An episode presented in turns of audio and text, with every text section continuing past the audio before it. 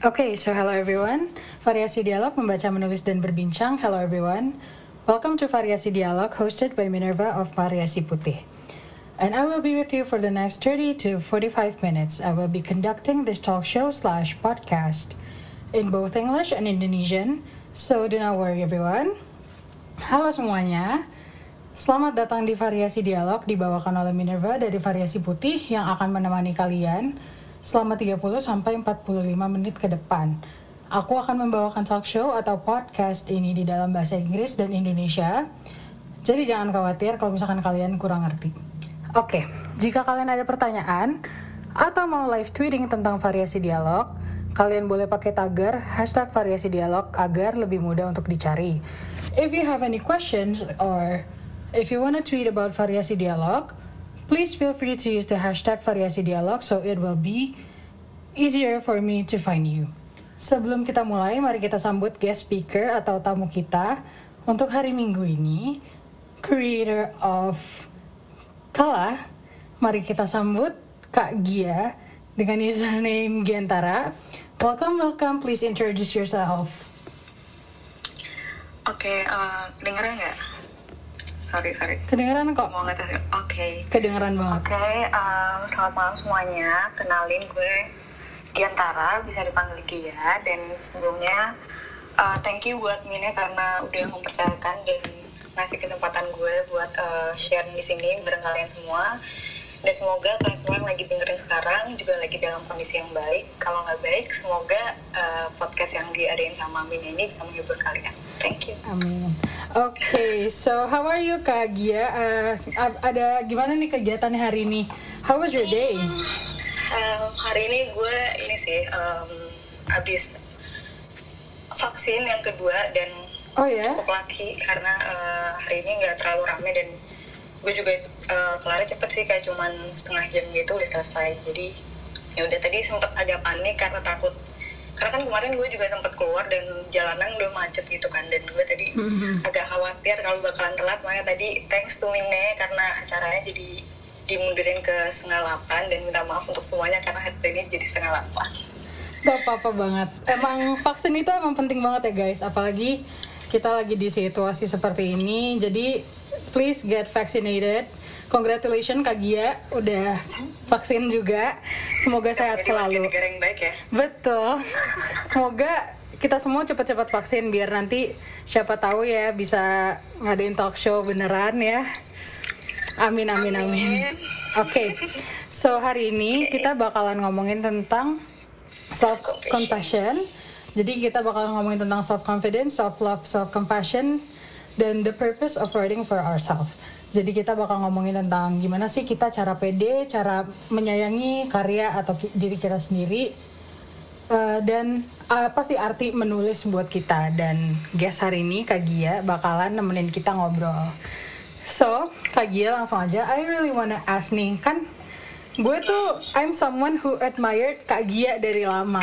Soalnya gue termasuk salah satu orang yang udah kenal Kak Gia lama nih dari sebelum Kak Gia, Kak Gia masuk 2019 per NCT iya 2019 kita udah kenal dari lama guys. Dan gue admire Kak Gia banget. And I really wanna ask you kayak apa sih uh, how do you define self compassion itu self love dan self confidence menurut Kak Gia sendiri tuh apa sih arti-arti dari hal itu? Oke, okay, kalau misalnya untuk uh, tiga hal yang barusan disebutin sama Mini sendiri, uh, menurut aku tiga hal ini berkaitan banget. Uh, jadi kalau misalnya sekarang kan temanya tentang self compassion in writing. Uh, kalau secara general dulu ya, secara general, mm-hmm. aku sebenarnya uh, lebih memaknai self self compassion itu sebagai bentuk self love ke diri kita sendiri. Jadi sebenarnya uh, self love ini juga hadir dalam self compassion itu sendiri, di mana uh, ketika kita sebagai individu mengalami kesulitan atau tekanan dalam hidup uh, entah itu tentang nulis entah entah lo menjalani hari-hari sendiri menurut gue self compassion ini penting gitu. Dan uh, self compassion ini uh, gue lebih ngelihatnya lebih berkaitan dengan regulasi emosi. Jadi gimana ketika lo berada dalam tekanan entah itu hidup entah kerjaan dan segala macamnya itu lo bisa ngatur emosi lo lo bisa uh, menyayangi diri lo tanpa perlu uh, merendahkan diri sendiri gitu. Jadi Hmm. misalnya lo melakukan kesalahan gitu Uh, beberapa orang kan ada orang tip uh, gue gue tipe orang yang kayak gini sih sebenarnya. Uh, ketika gue melakukan kesalahan gue punya tendensi untuk uh, terlarut. Maksudnya dalam artian gue menyalahkan diri gue itu terlalu lama gitu. Padahal justru hal kayak gitu tuh nggak baik. Jadi ketika lo melakukan kesalahan ya udah uh, akuin kesalahan lo uh, ambil pelajaran dari kesalahan lo itu sendiri.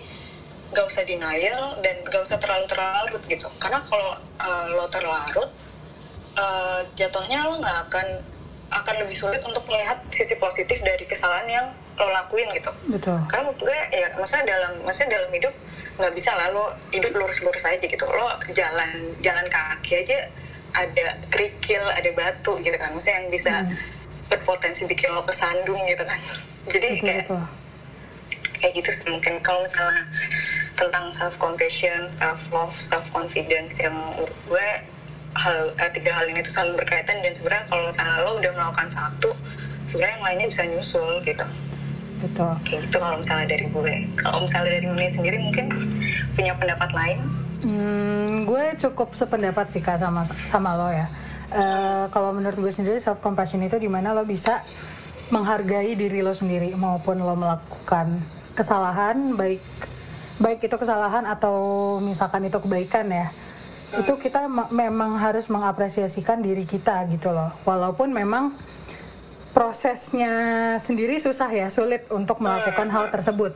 Dan emang gak instan, misalkan eh, sama kayak Kak Gia tadi, gue tipe orang yang dulu sering menyalahkan diri gue sendiri jika gue melakukan kesalahan. Dan Kak Gia tahu pasti itu. Dan Kak Gia adalah salah satu orang yang melihat saksi mata, saksi hidup melihat gue dari orang yang seperti itu dan bisa improve menjadi orang yang lebih apa ya lebih belajar lagi dari kesalahan kita dan apalagi kalau misalkan dalam konteks writing ini dulu sempat banget ya kak eh, ada kita berdua di posisi di mana kita sering banget compare diri kita ke others gitu dan itu sangat tidak sehat dan menurut tuh. betul. Dan menurut gue sendiri ya kita itu self compassion itu di mana lo bisa menghargai diri lo sendiri dan uh, appreciate what you do dan love your work dan ketika lo udah menghindari ya menghindari self comparison itu ke orang lain gitu. Oh ya, gue juga mau nanya nih kak, karena kita lagi topiknya di writing. Menurut lo nih self compassion sendiri nih dalam writing ya kan banyak nih sekarang anak-anak muda yang baru mulai writing, yang baru emang masuk ke dunia per- penulisan ini. Menurut lo sepenting apa sih kayak self compassion itu when it comes to writing? Kayak how important it is? Sebenarnya menarik banget dan eh, gue minta maaf kalau misalnya ini ntar agak banyak bahas hal topik-topik yang sebenarnya lagi rame eh, beberapa belakangan ini belakangan ini sering dibahas gitu. Eh, kalau misalnya ditanya penting atau enggak, gue pribadi menganggap self compassion itu penting untuk eh, segala aspek ya. Jadi kalau misalnya ditanya dalam dunia penulisan pun ya gue akan menganggap self compassion ini juga penting gitu. Karena eh, gue pribadi eh, gue gue sebenarnya baru nulis kan 2019 dan menurut gue menulis itu juga suatu bentuk eh, proses gitu. Eh, proses ya entah apa pun eh, beda-beda kan tiap orang. Tapi gue pribadi eh, gue ngerasa gue sebagai individu yang menulis dari 2019 sampai sekarang itu beda. Dan mungkin salah satu faktornya karena gue udah memahami adanya self love, self compassion, self confidence itu sendiri. Dan eh, sekarang kan gue ngeliat banyak orang-orang yang terfokus dengan angka Iya. dalam menulis. Dan gue pribadi nggak bisa menyalahkan itu sebenarnya. Karena gini sekarang kita nulis di Twitter itu uh, dengan cuma-cuma gitu. Kita membagikan ide dengan gratis dan bisa diakses oleh banyak orang secara mudah gitu kan. Dan mungkin uh, salah satu uh, cara termudah untuk memberikan feedback cara termudah untuk mendapat eh, merasa terapresiasi untuk beberapa orang adalah dengan melihat jumlah likes dan retweet gitu. Mm. Tapi yang uh, tapi yang gue sayangkan di sini gue jarang banget gue jarang banget ngeliat orang ngeluh gak ada feedback secara langsung. Dalam artian gak ada yang komentar. Paham nggak? Jadi paham, paham, gak ada yang nge-quote gak ada yang nge-reply. Itu kayak seolah-olah gak ada gak dipermasalahkan gitu dengan oleh mereka gitu. Jadi beneran uh, mereka mengukur tulisan mereka eh, kualitas tulisan mereka dari likes dari retweet. Dan uh, kalau misalnya gue bilang jangan terfokus sama angka itu juga rada egois. Karena menurut gue pribadi gue sekarang mungkin udah punya privilege di mana gue punya cukup pembaca eh, punya beberapa pembaca yang mungkin gue mau nulis apa pun udah bakalan di like gitu bakalan dibaca bakalan di retweet bakalan di komen gitu. Tapi kan di twitter ini luas banget gitu ada yang baru nulis di twitter meskipun kita nggak tahu sebenarnya dia backgroundnya udah pernah nulis atau belum. Dan untuk mendapat like 10 aja susah gitu. Betul jadi um, pasti adalah orang-orang yang pada akhirnya mempertanyakan kualitas tulisannya dari kayak gitu gitu. Dan uh, akhirnya tapi yang gue pelajari dari orang-orang ini dan gue sendiri adalah lurusin niat lo nulis dulu. Jadi kalau misalnya sekarang gini uh, perhatiin kalimat gue uh, niat lo nulis untuk dibaca dengan niat nulis untuk mendapatkan sejumlah pembaca. Itu beda nggak? beda beda kan dan menurut gue ketika lo niat, niat lo nulis untuk dibaca sejumlah pem, uh, mendapatkan sejumlah pembaca hmm. let's say lo nargetin uh, misalnya lo bikin tulisan terus lo sebelum uh, sebelum lo publish lo udah nargetin ini tulisan gue pasti bisa dibaca 100 orang nih gitu hmm. tapi ternyata cuma lima orang yang baca dan dari uh, karena cuma lima orang berarti kan lo nggak nggak mencapai target lo kan? Nggak mencapai keinginan lo gitu. Dan ada beberapa orang yang pada akhirnya punya tendensi merasa kualitas tulisannya jelek gitu karena nggak mencapai target yang dia mau. Nah makanya gue selalu bilang ke orang-orang yang kak uh, gue mau gue pengen nyoba nulis tapi gue takut nih ada yang baca gue takut yang baca dikit dan segala macamnya. Ya nggak apa-apa lo punya keinginan dibaca oleh banyak orang. Tapi jangan lupain pembaca lo yang cuma lima orang itu betul. Mau dia nggak ngasih feedback mau dia bacanya diem-diem mau dia cuma nge-likes doang mau nggak ngasih apa pun ya maksudnya dalam bentuk mm -hmm. apa pun dia tetap membaca lo gitu. Lo memberikan impact tersendiri ke dia gitu.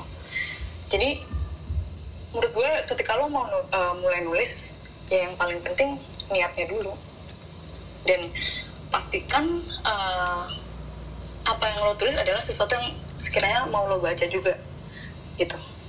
Kalau menurut gue ya. Jadi self compassion ini penting uh, ketika apa yang lo targetin apa yang lo niatkan mungkin belum tercapai untuk saat ini gitu. Hmm. mungkin nggak langsung tercapai hari ini. Dan semua kan perlu, perlu proses, ya, proses. ya maksudnya. Lo hidup aja juga proses lo mau jalan aja juga ada prosesnya gitu kan.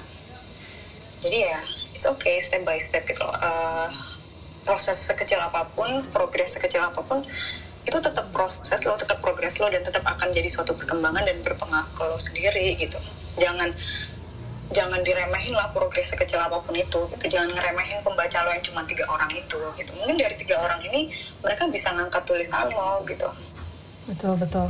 Dan walaupun dalam hmm. number yang kecil itu memang dari mulut ke mulut atau misalkan nanti juga mereka bisa kasih tahu ke orang lain kan pasti nanti juga dicapai iya, tanda kutip target yang emang dituju gitu kan ya. Dan uh-huh.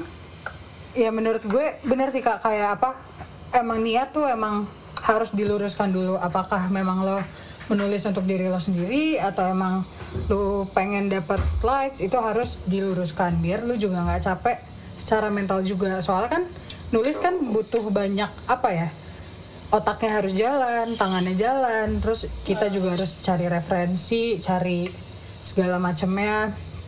Nah dan menurut lo nih karena kita juga lagi ada di topik angka ya uh, since kayak many riders nowadays itu kan banyak nih yang think about numbers. Menurut lo sendiri lo ada suggestions nggak sih kak how to prevent yourself from caring too much about it kayak memang nggak bisa egois juga kan. Karena emang ya alhamdulillah kita berdua mempunyai privilege di mana kita sudah mendapat tanda kutip audiens. Di mana kita uh, udah mendapat pengikut yang memang menunggu gitu ya menunggu karya kayak gitu. Tapi kalau misalkan yang memang belum dan yang masih berproses kita juga masih berproses sih. Tapi ada nggak sih kak eh, tips dari lo sendiri yang emang bikin lo tuh nggak terlalu peduli dengan angka. Dan gimana caranya kayak eh, gue nggak terlalu peduli gitu sama si angka itu. Hmm, Oke, Eh, tapi ini sebelum eh, kita ngalihin ke pembahasan selanjutnya, sebenarnya gue juga mau nanya ke lo sih, maksudnya eh, gue pengennya ini dua arah juga, nggak cuma gue doang. boleh boleh karena boleh boleh Maksudnya kan lo yang mengadakan variasi dialog gitu, dan gue yakin pasti eh, audiens lo sendiri juga sebenarnya penasaran dan dengan isi kepala lo, pendapat lo juga. Jadi eh, sebenarnya mungkin lo bisa sharing juga sih. eh, niat lo untuk menulis itu apa dan mungkin untuk diri sendiri untuk orang lain sendiri itu kayak gimana karena gue cukup uh, salut sih uh, sama lo karena lo udah ini loh maksudnya lo udah nulis banyak banget cerita dan gue mengakui dedikasi lo untuk menulis itu gede karena kan lo tau gue boomer ya maksudnya. Iya. Paham paham. gue mau ngedesain aja kayak Mina gue gak bisa ngedesain ini bisa lo bantuin gak kayak Iya, gitu iya, kan. maksudnya gue ngeliat lo lo sangat ini sih maksudnya all in lah. Maksudnya istilahnya kayak totalitas gitu ya dalam menulis. Mungkin apa sih eh, mungkin teman-teman lo eh, teman-teman di sini juga penasaran eh, niat lo menulis itu apa. Dan bagaimana self compassion ini muncul ketika lo menulis gitu Sebenarnya tuh thank you banget Kak Gia uh, for the question. Sebenarnya gue juga pengen sharing tapi gue kan menyediakan wadah ini untuk teman-teman ya. Uh, jadi let's make it useful lah ya. Uh, maaf juga kalau misalkan oh ya gue mau disclaimer juga tadi lupa apa yang gue dan Kak Gia ucapkan hari ini adalah uh, personal ya guys maksudnya opini pribadi jadi jangan terlalu di apa ya jangan terlalu di twist atau misalkan jangan terlalu diambil pusing yang positifnya diambil aja yang negatifnya dibuang jauh-jauh. Uh, kalau menurut gue sendiri sedikit cerita juga. Dulu gue pernah jadi author ya emang ya author ada-ada lah ala-ala. Dan di di 2019 di tahun di mana gue kenal sama Kak untuk pertama kalinya. Di situ gue masih mementingkan angka seakan-akan itu yang mendefinisikan kualitas kepenulisan gue. Gue di situ bener-bener berpikir bahwa angka itu sangat penting to the point kalau misalkan gue nggak ada yang like nggak ada yang retweet nggak ada yang quote retweet nggak ada yang reply karya gue jelek. Gue pernah ada di poin itu. Dan sekarang gue melihat oh gue desain karena gue satisfied dengan kerjaan gue dan gue bangga dengan skill yang gue punya. Gue menulis walaupun bahasa tata bahasa gue kurang dan diksi gue kurang. Dan bahasa Indonesia gue juga belum terlalu bagus. Tapi gue bangga dengan apa yang gue punya. Bahkan gue sekarang masih suka nanya gitu ke Kagia Kagia ini apa artinya? gitu. Soalnya memang bahasa Inggris kan my first language nih guys. Eh, kebetulan. Dan gue tuh nulis di bahasa Indonesia untuk belajar dan untuk mengasah apa yang sudah gue punya dan mengembangkannya lagi. Dan di situ self compassion gue muncul. Gue I want to do this for myself. Dan gue ada quote gini Kagia you don't need you don't need to do your best. You don't need to do your best. You just need to enjoy what you do and you will get the best outcome. Itu yang gue dapat dan dulu di tahun 2019 di account yang sudah suspended terima kasih itu gue gue trying to be the best. Di situ gue pengen terlihat di mata orang gue pengen terlihat paling perfect paling keren paling kece paling jago pokoknya paling iya deh.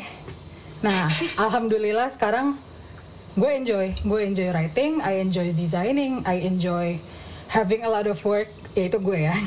Gue kayak gue enjoy mempunyai banyak sesuatu mempunyai banyak hal yang gue kerjakan di waktu yang bersamaan. Dan that makes me happy. Dan gue share eh, gue menyalurkan karya gue di Twitter yang bisa dilihat oleh banyak orang ya dengan harapan semoga mereka enjoy it as much as I do gitu. Kalau untuk gue sendiri kayak gitu. Uh, anyway, gue mau ngapresiasi lo sih sebenarnya. Uh, karena gue kemarin sempat baca narasi lo dan gue kayak Aduh, gue malu. udah. Gak maksudnya, uh, maksudnya kan gue kenal lo. Maksudnya gue ngobrol sama lo aja sampai kayak bilang udah lo ngomong pakai bahasa Inggris aja udah karena Iya, iya, iya, betul. jujur jujur karena eh, ini ya gue sharing agak out of topic Eh, ketika gue ngobrol nggak sama Mine gue lebih bisa paham dia ngomong pakai bahasa Inggris ketika eh daripada pakai bahasa bahasa Indonesia karena dulu beneran bahasa Indonesia dia Jelek cukup banget. buruk gitu loh kayak maksudnya mungkin dia cuma tahu kata-kata kasar ya Betul. tapi jujur, eh, tapi jujur guys, eh, agak out of topic maaf. Tapi dulu gue kalau ngomong sama Kak Gia, Kak Gia tuh pusing. Dia nggak ngerti gue ngomong apa. Terus Kak Gia tuh sering bilang, lu bisa nggak ngomong bahasa Inggris aja? Gue sering banget begitu kan. Karena terus, eh, seburuk itu bahasa Indonesia gue.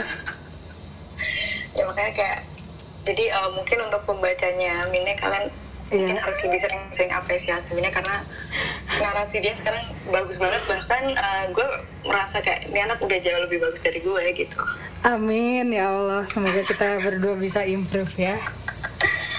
Oke, Oke, oh, let's go oke. back to the topic ya. Oke, Eh, oke. Itu Jadi, si cerita singkat ya ceritanya. Oke, jadi tadi tentang numbers kan ya. Eh, kalau misalkan lo sendiri ada nggak sih kak tips dari lo nih yang kayak gimana sih cara lo nge-prevent from caring too much dan kayak merasa bahwa number itu tuh yang segalanya gitu. Ada nggak sih tips dari lo sendiri? kalau gue pribadi mengatasi itu dengan cara gue suka gue tuh sering banget nge-search gue sering banget uh, stalking pembaca gue sebenarnya Hmm. jadi uh, gue tuh hafal pembaca gue yang sering ngasih feedback uh, maksudnya komentar gue hafal oh ini Iya, anak iya, yang betul, ini betul. nih yang suka kalau misalnya gue lagi nulis topik keluarga dia akan sensitif kalau misalnya gue lagi nulis si ini lagi gini dia pasti lagi akan heboh kalau gue nulis kayak gini dia akan Hmm. keluarin meme gue tuh gue tuh hafal maksudnya orang-orang yang sering muncul Iya, di betul, betul. uh, mention gue gue akan hafal dan mungkin itu sih yang akhirnya bikin gue uh, gak sebeduli itu dengan likes gak sebeduli itu dengan retweet Hmm. karena dengan berinteraksi dengan mereka gue jauh lebih merasa seneng gitu. Jadi gue lebih uh, gimana ya maksudnya ketika gue dapat feedback dari komentar-komentar mereka gue uh, merasa apa yang gue tulis berarti hidup di mereka gitu. Berarti berpengaruh ke mereka secara langsung. Nggak nggak cuman suatu bacaan yang ya udah cuma dibaca aja sama mereka gitu. Tapi ngeliat komentar orang kan kelihatan ya maksudnya orang uh, baca asal baca atau orang baca dan dapat uh, pelajaran dari apa yang, dit- apa yang ditulis sama penulisnya gitu Mm-mm. dan kebetulan sekarang kan gue lagi nulis yang uh, yang lagi ongoing sekarang Kala. sebenarnya karena ini sebenarnya uh, gue ini keluar dari comfort zone gue banget Hmm. gue dulu selalu nulis dengan topik yang selalu ada masalah utamanya selalu ada puncaknya dan harus diselesaikan masalah itu kan Mm-mm. jadi uh, ketika gue bikin rancangan tulisan lebih gampang ketika tulisan kayak gitu dan sedangkan gue meniatkan uh, nulis si kala ini berangkat dari hospital playlist Hmm. kalau lo nonton hospital playlist mereka nggak ada masalah utama kan kalau lo perhatiin Iya. tapi Betul. setiap episodenya uh, akan selalu bikin orang merasa hangat akan selalu bikin orang nyaman nontonnya ngerti nggak? Ngerti ngerti ngerti ngerti. dan akhirnya uh, balik lagi uh, ketika gue nulis ini gue berniat gue mau belajar untuk diri gue sendiri gue mau, mau menjadikan tulisan ini sebagai hal yang bikin gue nyaman begitu juga untuk pembaca gue gitu. Gue mau pembaca gue nyaman gue mau pembaca gue seneng uh, baca ini dan gue mau pembaca gue juga belajar bareng-bareng sama gue di sini. Dan akhirnya ketika gue ngelihat komentar mereka dan gue salut banget sih bahkan gue merasa pembaca gue ini orang-orang pintar gitu. Orang-orang keren yang gue sebenarnya lebih merasa gue pengen mengapresiasi mereka satu-satu daripada gue yang diapresiasi. Karena kadang gue baca komentar mereka aja sampai yang kayak Hah, sampai segininya ya Yes. eh, mereka mikirnya gitu. Yes, sedangkan speechless sebenarnya ya. nulis gak sejauh itu mikirnya Hmm. gitu. Maksudnya sampai mereka tuh mikirnya sejauh itu dan gue salut banget sama pembaca gue. Jadi mungkin eh, cara gue sekarang akhirnya untuk nggak terlalu mementingkan angka ya banyak berinteraksi dengan pembaca gue dan bacain komentar mereka jadi gue lebih gue tuh kayak lebih overthinking sekarang kalau Hmm. misalnya nggak ada yang komentar nggak sih Oh iya paham paham. kalau misalnya live gue mau 10 doang gue nggak peduli sel- selama masih ada yang komentar gitu gue tuh Betul, betul. nunggu nungguin gue tuh suka nungguin komentar orang kalau misalnya ada pembaca gue yang sering muncul tiba-tiba dia nggak muncul gue stalking akunnya? Kayak oh dia lagi sibuk gitu.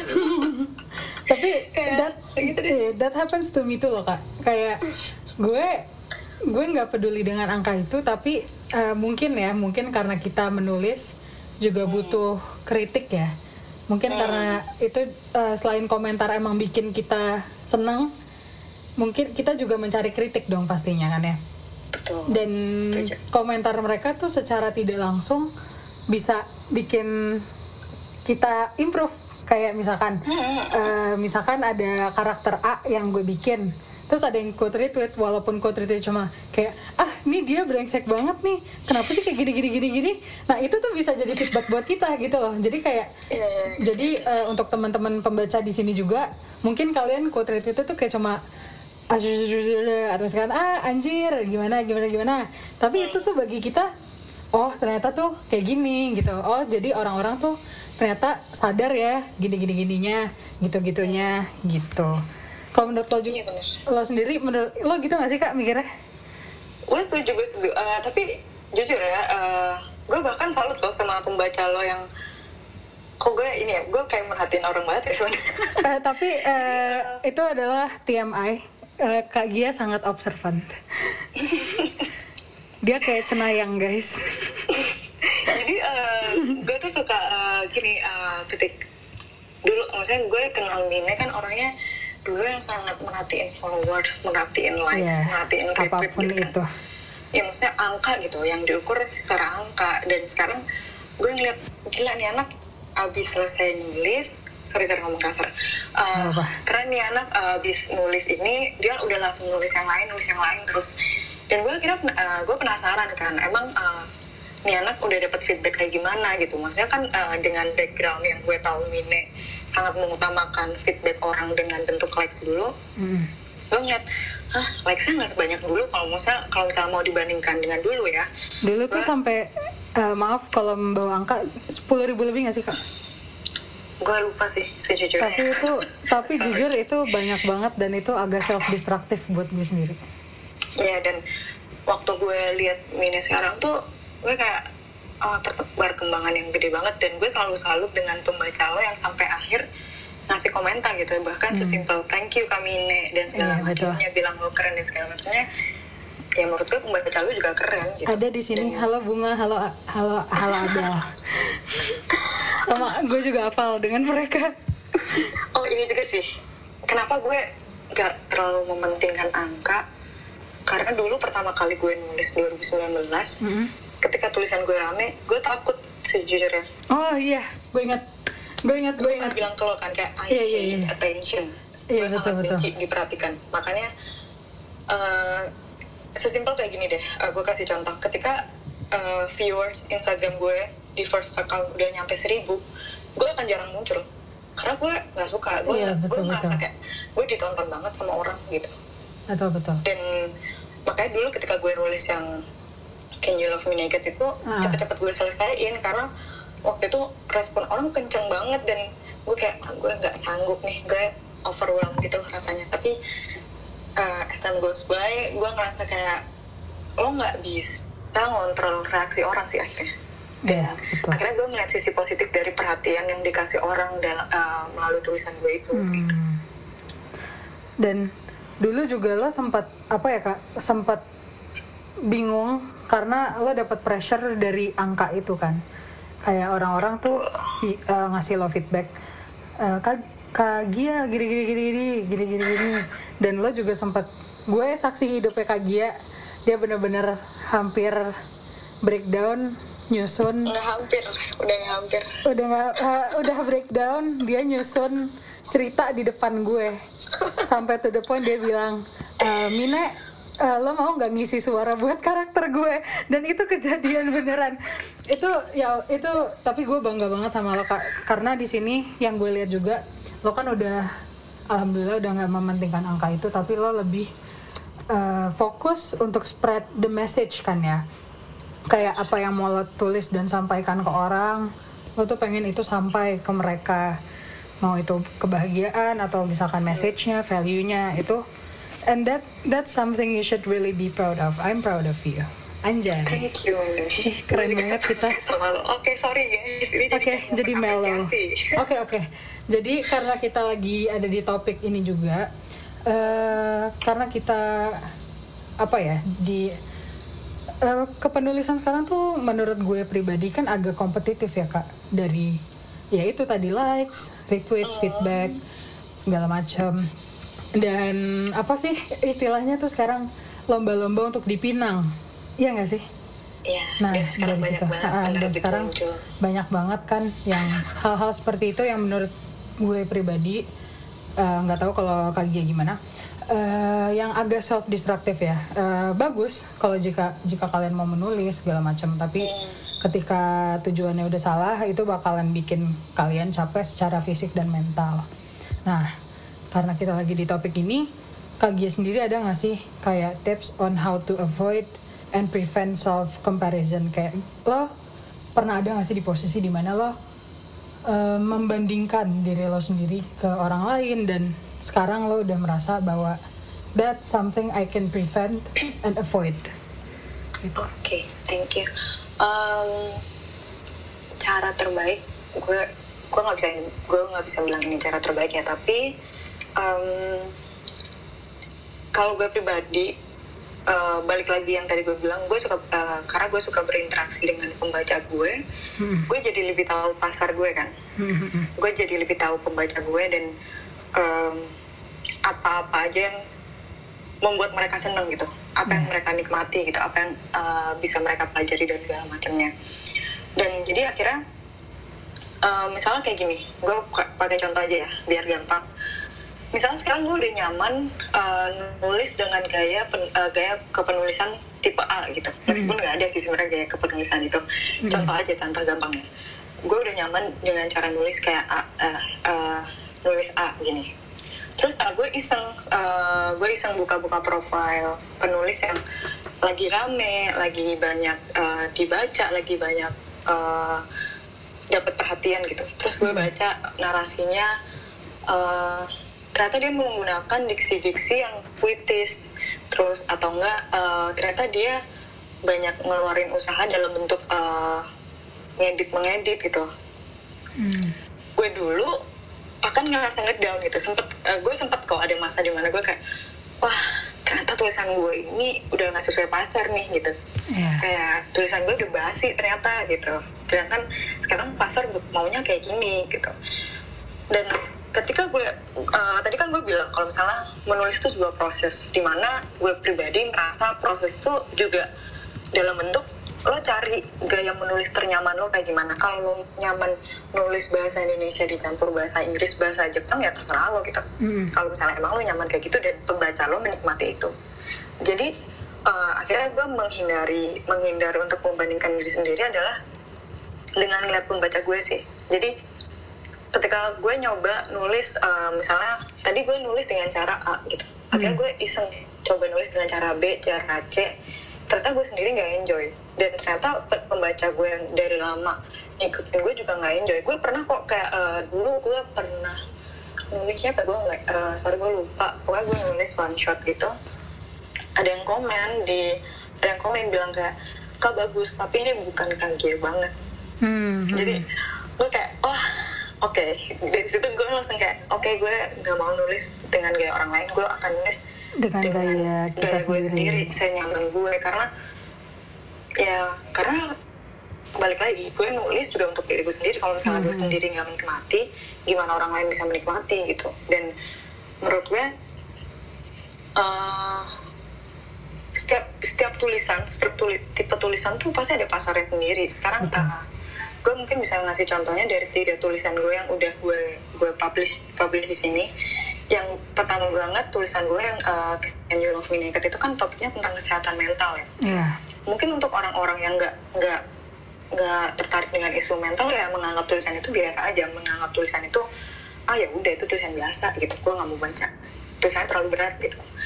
Tapi mungkin untuk orang yang tertarik dengan isu mental menganggap tuh tulisan uh, bisa dinikmati. Itu tulisan Iya. bisa diambil pelajarannya gitu. Sama dengan ketika sekarang uh, yang paling dekat juga setelah gue nulis yang yang sesali ses- uh, sesali selaras itu yang Hmm. uh, Giant itu kan topiknya dewasa banget ya maksudnya percintaan Iya, orang dewasa yang nggak mungkin uh, tiba-tiba ngasih playlist gitu kan jadi mereka kerja aja udah sibuk gitu nggak mikirin tuh bikin playlist kayaknya Betul. mungkin uh, untuk pembaca yang baru baca tulisan gue di kala ini kalau misalnya baca itu akan menganggap tulisan itu terlalu berat gitu Iya. jadi pada akhirnya tulisan tuh ada pasarnya sendiri jangan uh, sekarang tinggal balik ke diri lo sendiri lo mau ngikutin pasar terus terusan pasar secara gede terus terusan atau balik lo mau memuaskan pasar di sekitar lo memuaskan pasar lo dulu gitu Betul.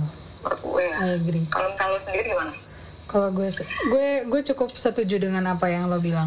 Soalnya eh simpelnya simpelnya gini gak sih kak? Eh, lo mau mengikuti pasar atau biarin pasar yang mengikuti lo? Itu kalau gue teorinya begitu aja. Iya, Jadi itu memang kita yang tepat kayaknya itu deh Iya. Ini. jadi kayak apa ya em, ya just let it flow gitu jadi emang kalau misalkan kita mau menulis buat diri kita sendiri ya udah nggak apa-apa pu- publish aja dan pembaca pasti akan datang dengan sendirinya gitu dan untuk self comparison sendiri kalau misalkan aku aku lihatnya ya di sini tuh banyak yang pengen berteman dengan author lain dengan harapan mereka dapat cipratan. Sekarang tuh kayak gitu. Yang yang gue lihat ya Oh, gitu. dapat cipratan nih dapat cipratan tapi akhirnya mereka meng apa ya mem, meng, mengcompare diri mereka sendiri ke orang-orang yang sudah mereka temani. Jadi kalian jangan sampai kalian berteman tuh karena ingin berkompetisi tapi berteman karena emang kalian butuh. Karena kalian emang pengen berinteraksi pengen dapat ilmu dan pengen emang apa ya punya teman gitu loh. Jangan sampai kalian menjadikan teman-teman kalian di writing account kalian ini tuh sebagai kompetisi. And that's very not healthy ya menurut aku. Nah karena kita lagi ya once again kita lagi di topik ini. Kalau misalkan kalian juga ada pertanyaan nih untuk Kak Gia atau untuk Mine kalian bisa banget ke Curious Cat atau langsung nge-tweet di Twitter dengan hashtag variasi dialog. Nanti kita akan jawab juga. Oke so Kak Gia dapat pertanyaan nih dari anonymous di Curious Cat. Oh my god. Tuh Kak. Tuh Kak Ji alasan terbesar untuk nulis tuh apa? Alasan terbesar untuk nulis supaya gue tetap waras sih kayaknya. Nggak bercanda. Serius dikit. Oke, itu alasan alasan asli yang disembunyikan. alasan utama ya. Iya, alasan utama yang disembunyikan ya. di tengah pandemi ini? Em, alasan utama untuk menulis karena eh, gue menemukan diri gue sih dari Hmm. menulis ini sebenarnya Eh, jujur em, gue pribadi baru ngerti gue bisa nulis gue menikmati nulis tuh 2019 gitu karena dulu gue selalu kayak mem- eh, mikir gue tuh bisa apa sih gitu maksudnya gue ikut teater, gue ikut ini, gue ikut ini, tapi gue nggak sebenarnya juga nggak benar-benar ngerti, maksudnya minat bakat gue di mana, apa yang gue nikmati gitu. Jadi eh, ketika gue nulis, ya alasan terbesarnya karena akhirnya gue menemukan sesuatu yang bisa gue nikmati gitu. Dan dulu gue sempet sih kehilangan kehilangan itu, kehilangan eh, alasan utama itu karena di 2019 ketika Hmm. gue nulis Can You Love Me Naked gue nggak tahu sih orang-orang ini tahu surat atau enggak gue sempat ditarik penerbit sempat Mhm. ditarik pen- beberapa Iya, lo penerbit ada cerita sama gue. dan gue nolak semuanya gue tolak dengan alasan gue nggak siap untuk jadi penulis profesional Iya. Ke- karena gue menganggap ketika buku, eh, ini udah dibukukan dan diperjualbelikan yang mana berarti pembaca gue akan bayar Hmm. pembaca gue akan bayar dan gue akan menerima uang yang mana berarti ini suatu pekerjaan udah suatu bisnis dong udah bukan suatu yang sesuatu yang gue cuma eh, kerjain biasa aja ini harus profesional kan berarti Betul.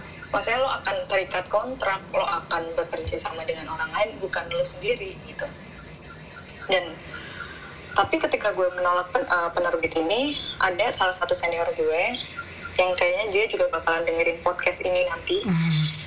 dia eh, menawarkan gue untuk gimana nih kalau misalnya tulisan kamu dibukuin gitu Hmm. dan dia penulis dan dia udah pernah terbit di buku nih kalau nggak salah Oh, cukup besar kan penerbitnya cukup iya besar. betul betul. Eh, dia menawarkan gue kayak nanti aku bantuin gitu. Maksudnya aku bantuin eh, aku bantuin cara eh, ngerapihinnya dan segala macamnya gitu. Eh, entah kenapa waktu itu gue lebih yakin sama dia gitu daripada ketika gue ditawarin terbit sama sana sini gitu. Hmm. dan akhirnya oh oke kak boleh gitu. Dan gue akhirnya ketika ngerjain naskah ini gue terfokus ini mau diterbitin ini mau naik cetak dan segala macamnya. Hmm. dan akhirnya gue kehilangan fokus awal gue gue kehilangan alasan gue menulis gitu. Gue nulis udah bukan untuk diri gue sendiri tapi untuk diterbitkan dan kayak gitu gue justru akhirnya nggak bisa ngelarin itu naskah itu naskah gue tinggal udah gue revisi ratusan kali kayaknya. Dan akhirnya di tahun ini em, mungkin eh, turning pointnya adalah ketika gue nyelesain selaras selaras itu Hmm. ada temen gue dia kayak nonton eh dia dia dengerin eh, gue gue hampir tiap hari bilang kayak ini tulisan jelek ini tulisan gini gini gini gini jelas alurnya gue gue gak suka tulisan ini tapi ketika sesali selaras ini amat gue kaget banget karena gue beneran dapet komentar sebanyak itu gitu ternyata orang-orang tuh merhatiin dan ketika gue baca pokoknya bukan jumlah komentarnya tapi apa yang mereka sampaikan ternyata tulisan gue berpengaruh sama mereka gitu. Iya.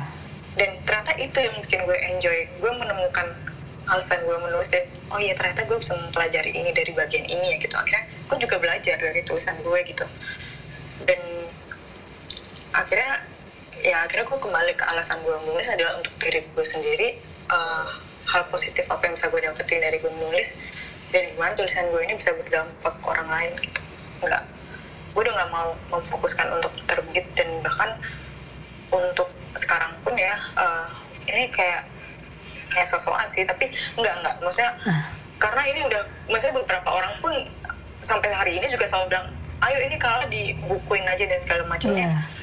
Gue selalu bilang ke beberapa temen gue temen deket gue yang selalu tahu progres gue nulis skala ini gue selalu bilang gue nggak gue kalau misalnya gue sekarang ada penerbit yang nawarin untuk dibukuin nggak akan gue terima. Hmm. gue kecuali kalau misalnya tulisan ini udah 80% dan gue yakin ini tulisan layak untuk dibukuin gue baru mau. Dan ketika gue udah yakin gue akan membisniskan tulisan gue gitu. Karena gimana ya maksudnya gue sekarang nulis kan isunya juga banyak tentang pendidikan gitu ya Hmm. ini agak curhat sih tapi gue sempet kayak beberapa kali nangis karena gue ngeliat ketimpangan gue dan baca gue juga cukup gede gitu maksudnya gue punya privilege uh, uh, berbagai fasilitas sedangkan ternyata membaca gue untuk kuliah aja nggak bisa gitu masa gue mau ini sih mau jahat banget untuk dibisnisin gitu aja gitu Hmm. dan lalu gue gue mempertimbang, uh, mempertimbangkan dengan sangat sangat sangat gue pertimbangkan sih sampai hari ini. Dan gue takut uh, gue khawatir kalau misalnya gue untuk saat ini ya untuk saat ini nggak tahu ke depannya gue khawatir kalau misalnya gue membukukan tulisan gue fokus gue udah bukan lagi untuk berdampak ke pembaca gue tapi ya hanya untuk dibisniskan gitu. Dan gue nggak mau kayak gitu. Jadi gue harus memastikan kalau niat dan alasan gue akan tetap ada di sana seandainya pun tulisan gue ini akan dibisniskan kayak gitu Kalau milih sendiri alasan nulis apa Kalau eh ini gue terdengar dengan jelas kan soalnya tadi reconnecting nih kayaknya. benar kok Oke. Kalau gue sendiri tuh eh, alas- alasan pertama yang disembunyikan itu nggak halu, tentu saja menghalu. Ya, siapa yang nggak mau pacaran sama Dejun gitu kan ya? Oke, eh, tapi eh, seriously speaking, dari dulu emang gue tipe orang yang enjoy creative work dan sama kayak Kak Gia, gue tipe orang yang independen. Gue pengen semuanya sendiri. Kayak misalkan eh, nulis, ngedit, gue harus sendiri. Podcast gue harus sendiri. Pengen punya, pengen dipublish bukunya naik cetak, gue pengen sendiri. Dan gue cenderung eh, cenderung orang yang memang suka dengan hobi gue dan apa ya pengen bikin banyak opportunity dari hobi-hobi gue. Misalkan lagu gue suka menciptakan lagu gue pengen orang-orang happy gitu dengar lagu gue. Sama sama dengan tulisan juga seperti itu. Dan gue juga punya mimpi di mana gue mempunyai organisasi dan komunitas yang bisa gue bangun. Dan alhamdulillah sekarang gue ada privilege untuk melakukan itu. Gue pengen gue punya ambisi yang besar untuk bikin publisher gitu.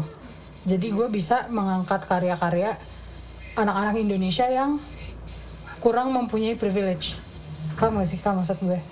Kayak mungkin sekarang yang dilirik memang yang yang rame yang besar. Tapi gue pengen gue di mana gue bisa apa ya ngelit ngelit ngelit apa sih bahasa Indonesia? Ngelit ngelit Memulai kali ya? eh, iya memulai. Dan menuntun menuntun uh, anak-anak ini untuk maju bersama nggak bukan dengan bukan dengan artian gue akan ngedictate mereka enggak tapi gue pengen banget industri apa ya industri seni di Indonesia itu ma- lebih maju. Dan alhamdulillah di Twitter juga banyak writer, singer dan desainer yang mulai bermunculan. Dan sekarang ada aplikasi kayak kalau misalkan memang belum mau dicetak ya ada aplikasi seperti Traktir dan Saweria Iya untuk benar-benar. benar. Untuk apa membayar creator favorit mereka secara sukarela. Jadi nggak ada paksaan kontrak dan eh, apa ya kalau misalkan kita emang udah tanda tangan kontrak dengan publisher kan itu pasti beban ya. Dan mungkin beberapa orang memang ingin mencetak tapi nggak mau terikat. Nah gue pengen menyediakan gue pengen menyediakan platform di mana mereka bisa berkarya dan menghasilkan Hmm. untuk mereka sendiri secara material atau secara emang apa yang membantu goals mereka? Ya dan itu nggak terikat itulah. Gue pengennya ya seperti itu. Dan itu ambisi yang sangat ya masih jauh di depan lah ya guys. Karena gue juga di sini di variasi putih juga baru tiga bulan masuk tiga bulan. Jadi be- mungkin belum. Dan tapi akan. Insya Allah akan. Itu sih motivasi gue. Gue ini sih ketinggalan satu alasan yang belum gue sebutin. Karena dari tadi gue sangat terfokus ke diri gue sendiri dan ha. gue. Alasan gue menulis juga untuk orang sekitar gue sih. Em, kalau misalnya baca AU yang lagi, sekarang lagi ongoing sih kala ini eh, beberapa isu beberapa masalah yang gue masukkan di sini tuh terjadi di sekitar gue gitu. Ya. Eh, jadi eh, mungkin untuk eh, beberapa di sini mungkin gak baca tulisan gue tapi eh, ada satu bagian di mana em, masalah tentang ini dia nggak bisa dia nggak bisa bayar UKT hmm. dan dan ini tuh disampaikan ketika lagi ospek ospek fakultas kan. Dan di sini diwujudkan dengan bentuk surat yang mana ini dibagiin ke seluruh peserta fakultas dan pada akhirnya mereka harus memberikan feedback itu yang gue dapetin ketika gue ospek waktu itu. Hmm. dan menurut gue ini keren banget. Maksudnya dulu waktu ketika gue uh, ospek itu gue ngerasa gila uh, fakultas gue keren banget sih. Uh, panitia ini keren banget. Bisa bikin ide dan kepikiran untuk bikin kita mikir lebih jauh tuh dengan kayak gini. Dengan ngasih selembaran doang selembaran fotokopi waktu itu.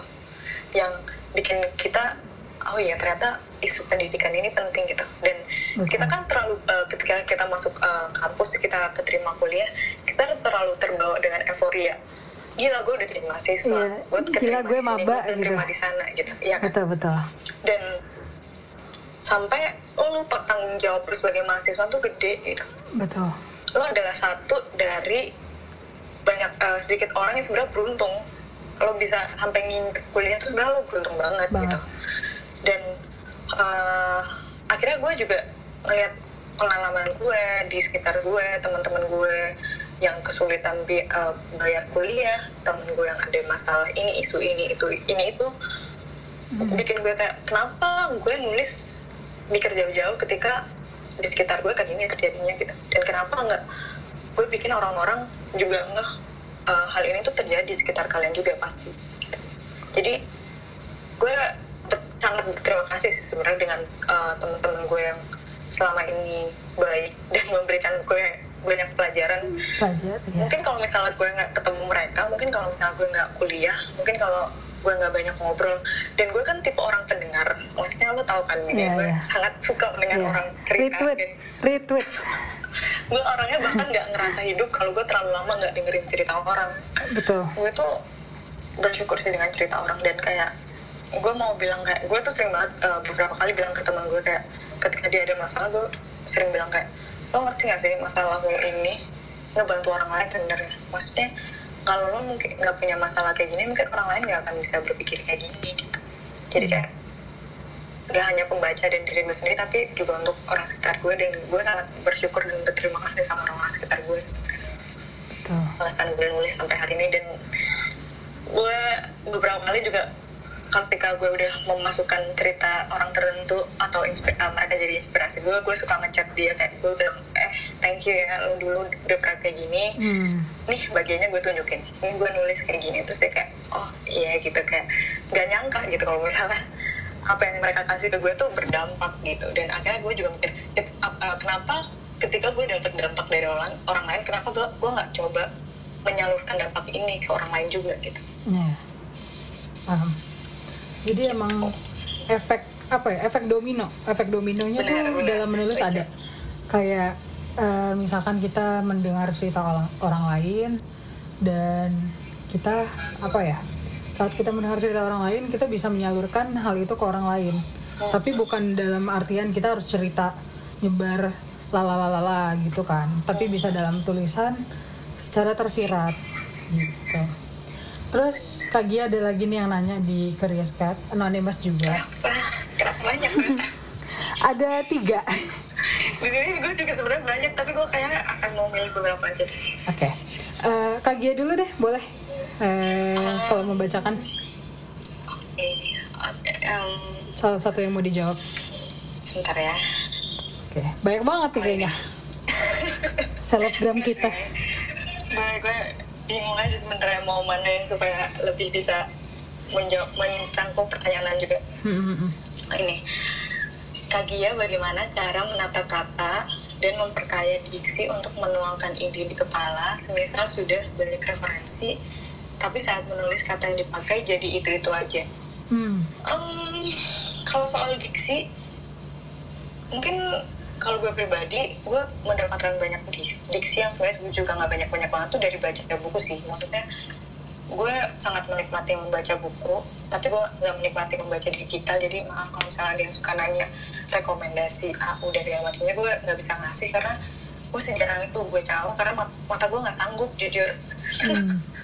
jadi gue lebih enjoy ini baca buku fisik kan. Jadi mungkin caranya untuk memperkaya diksi banyak-banyak baca sih ya baca apa pun itu. Maksudnya lo mau baca novel lo mau baca komik pun juga nggak masalah. Karena gue juga dapat kok maksudnya diksi-diksi tertentu dari komik gitu. Nggak cuma novel nggak cuma buku-buku berat yang bisa ngasih gue referensi. Dan untuk menata kalau untuk menata kalimat sendiri gue selalu kayak gini. Gue mau nulis sesuatu yang sekiranya mau gue baca. Meskipun gue sebenarnya nggak suka baca tulisan gue sendiri ya tapi kayak gini uh, contohnya contohnya gue pribadi tanpa menyindir siapa pun ya ini hmm. uh, preferensi gue sendiri gue nggak suka baca tulisan dewasa yang banyak kesahannya paham gak kesahan dalam artian yang didialogkan gitu. Dimasukkan hmm. dalam percakapan kayak ditulis ditulis ah gitu. Oke oke oke oke. Paham paham paham. Itu terlalu banyak. Gue gue nggak bisa baca tulisan seperti itu. Makanya gue nggak nulis hal-hal kayak gitu. Maksudnya hmm. dalam artian gue nulis bagian dewasa gue nulis uh, cerita-cerita dewasa tapi gue nggak mencantumkan dialog-dialog seperti itu karena gue menempatkan diri sebagai pembaca gitu. Makanya ketika gue menata kalimat dan tulisan gue ya gue akan memastikan kalau gue jadi pembaca gue mau baca tulisan itu gitu. Iya betul. Kayak gitu sih. Kalau misalnya ini apa tipsnya? Sama sih. Ini nih maksudnya ini kan maksudnya uh, Nina kan orangnya uh, lebih bisa pakai bahasa Inggris. Dan sekarang kan tulisnya pakai bahasa Indonesia dan dengan diksi yang sangat uh, sangat bagus menurut uh, menurut gue ini sih um, mungkin Nina lebih bisa jawab seharusnya. Hmm, kalau gue sendiri itu sering-sering cek KBBI. Jadi gue sekarang itu berada di posisi di mana jadi uh, agak sedikit cerita juga. Gue itu dari kecil emang terbiasa dengan bahasa Inggris gue grow up in a family di mana gue memang lebih sering berbahasa Inggris. Dan di sekolah pun juga.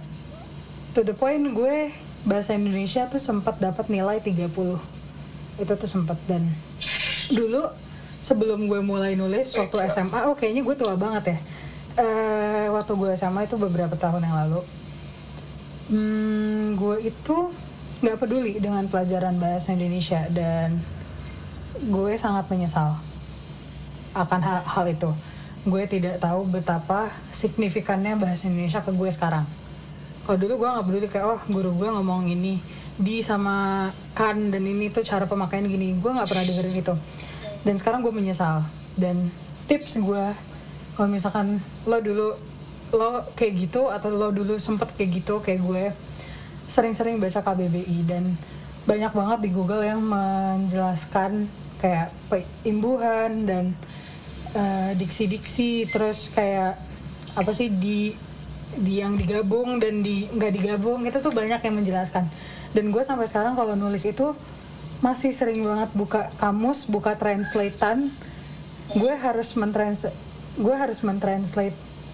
Kayak kemarin gue freckle freckles gue nggak tahu freckles bahasa Indonesia nya apa. Dan gue harus translate itu? Nggak tahu. Gue nggak tahu mas. Kayak nggak cocok aja gitu da- dan itu lo harus harus cari gitu. Kayak misalkan oh eh, apa ya? Eh, flutter flutter. Gue kemarin sempat nyari flutter. Ternyata bahasa Indonesia itu menyanjung. Dan gue baru tahu itu. Sanjung gitu kan? Iya tersanjung. Dan itu gue baru tahu seminggu lalu.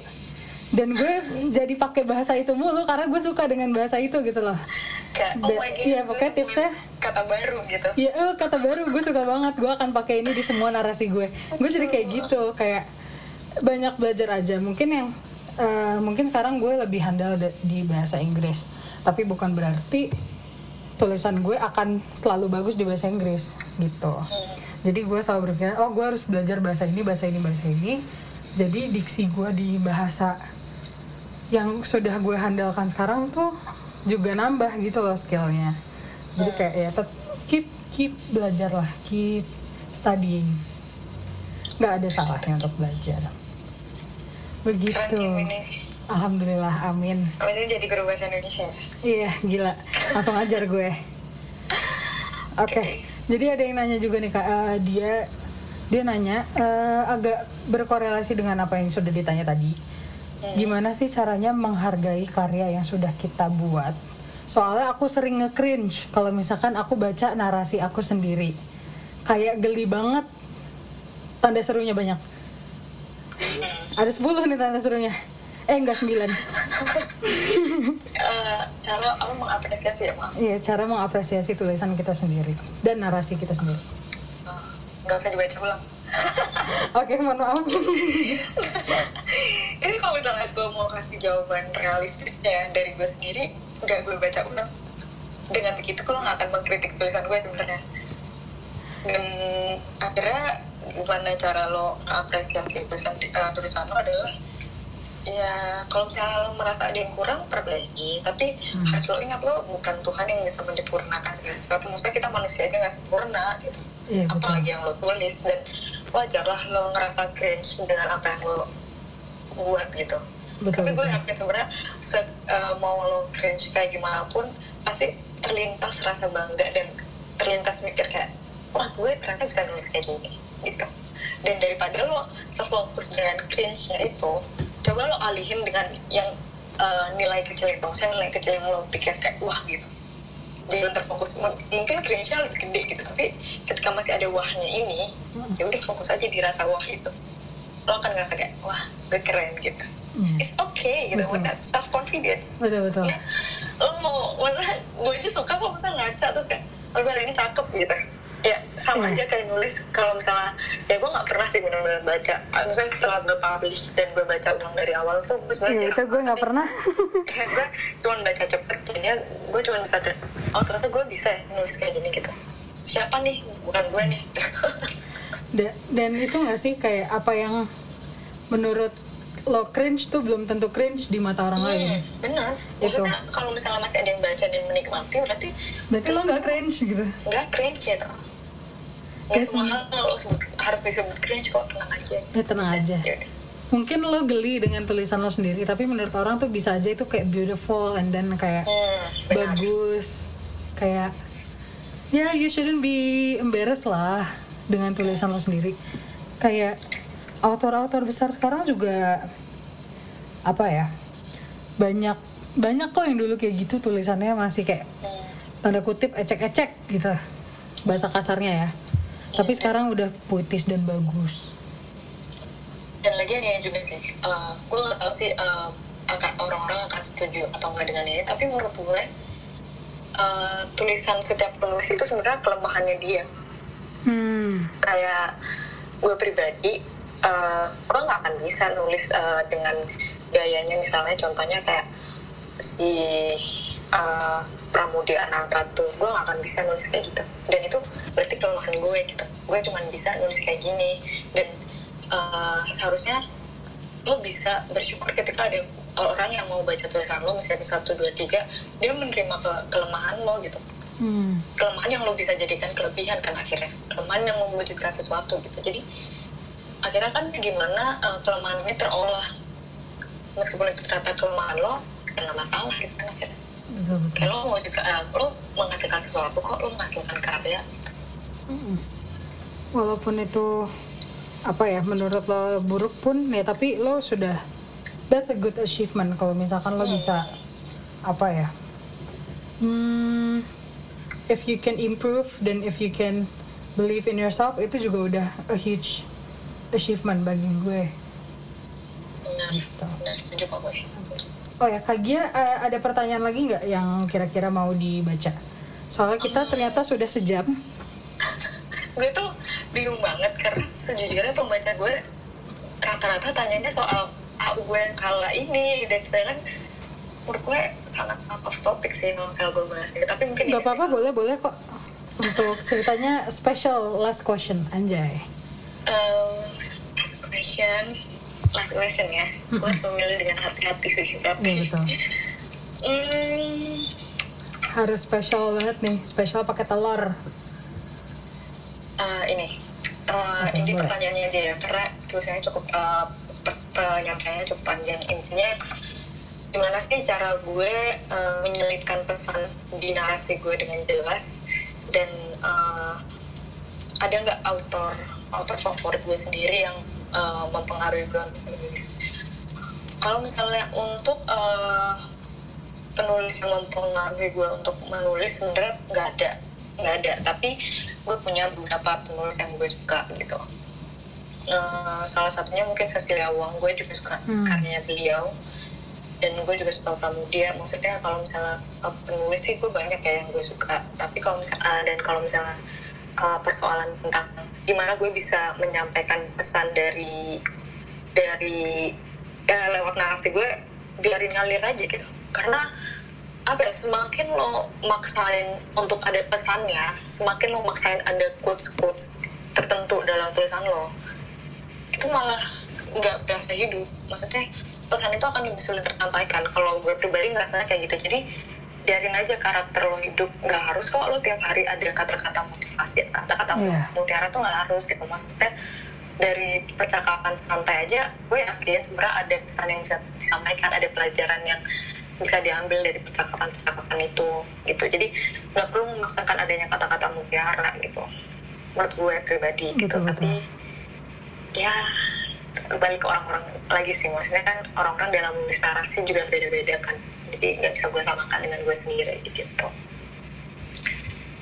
Gitu sih. Kalau misalnya dari Mine mungkin? Eh, cukup setuju. Kayak kita gue sama Kak Gia itu otaknya biasa isinya sama. Kalau opini masalah ini. Kayak bener yang kata Kak Gia.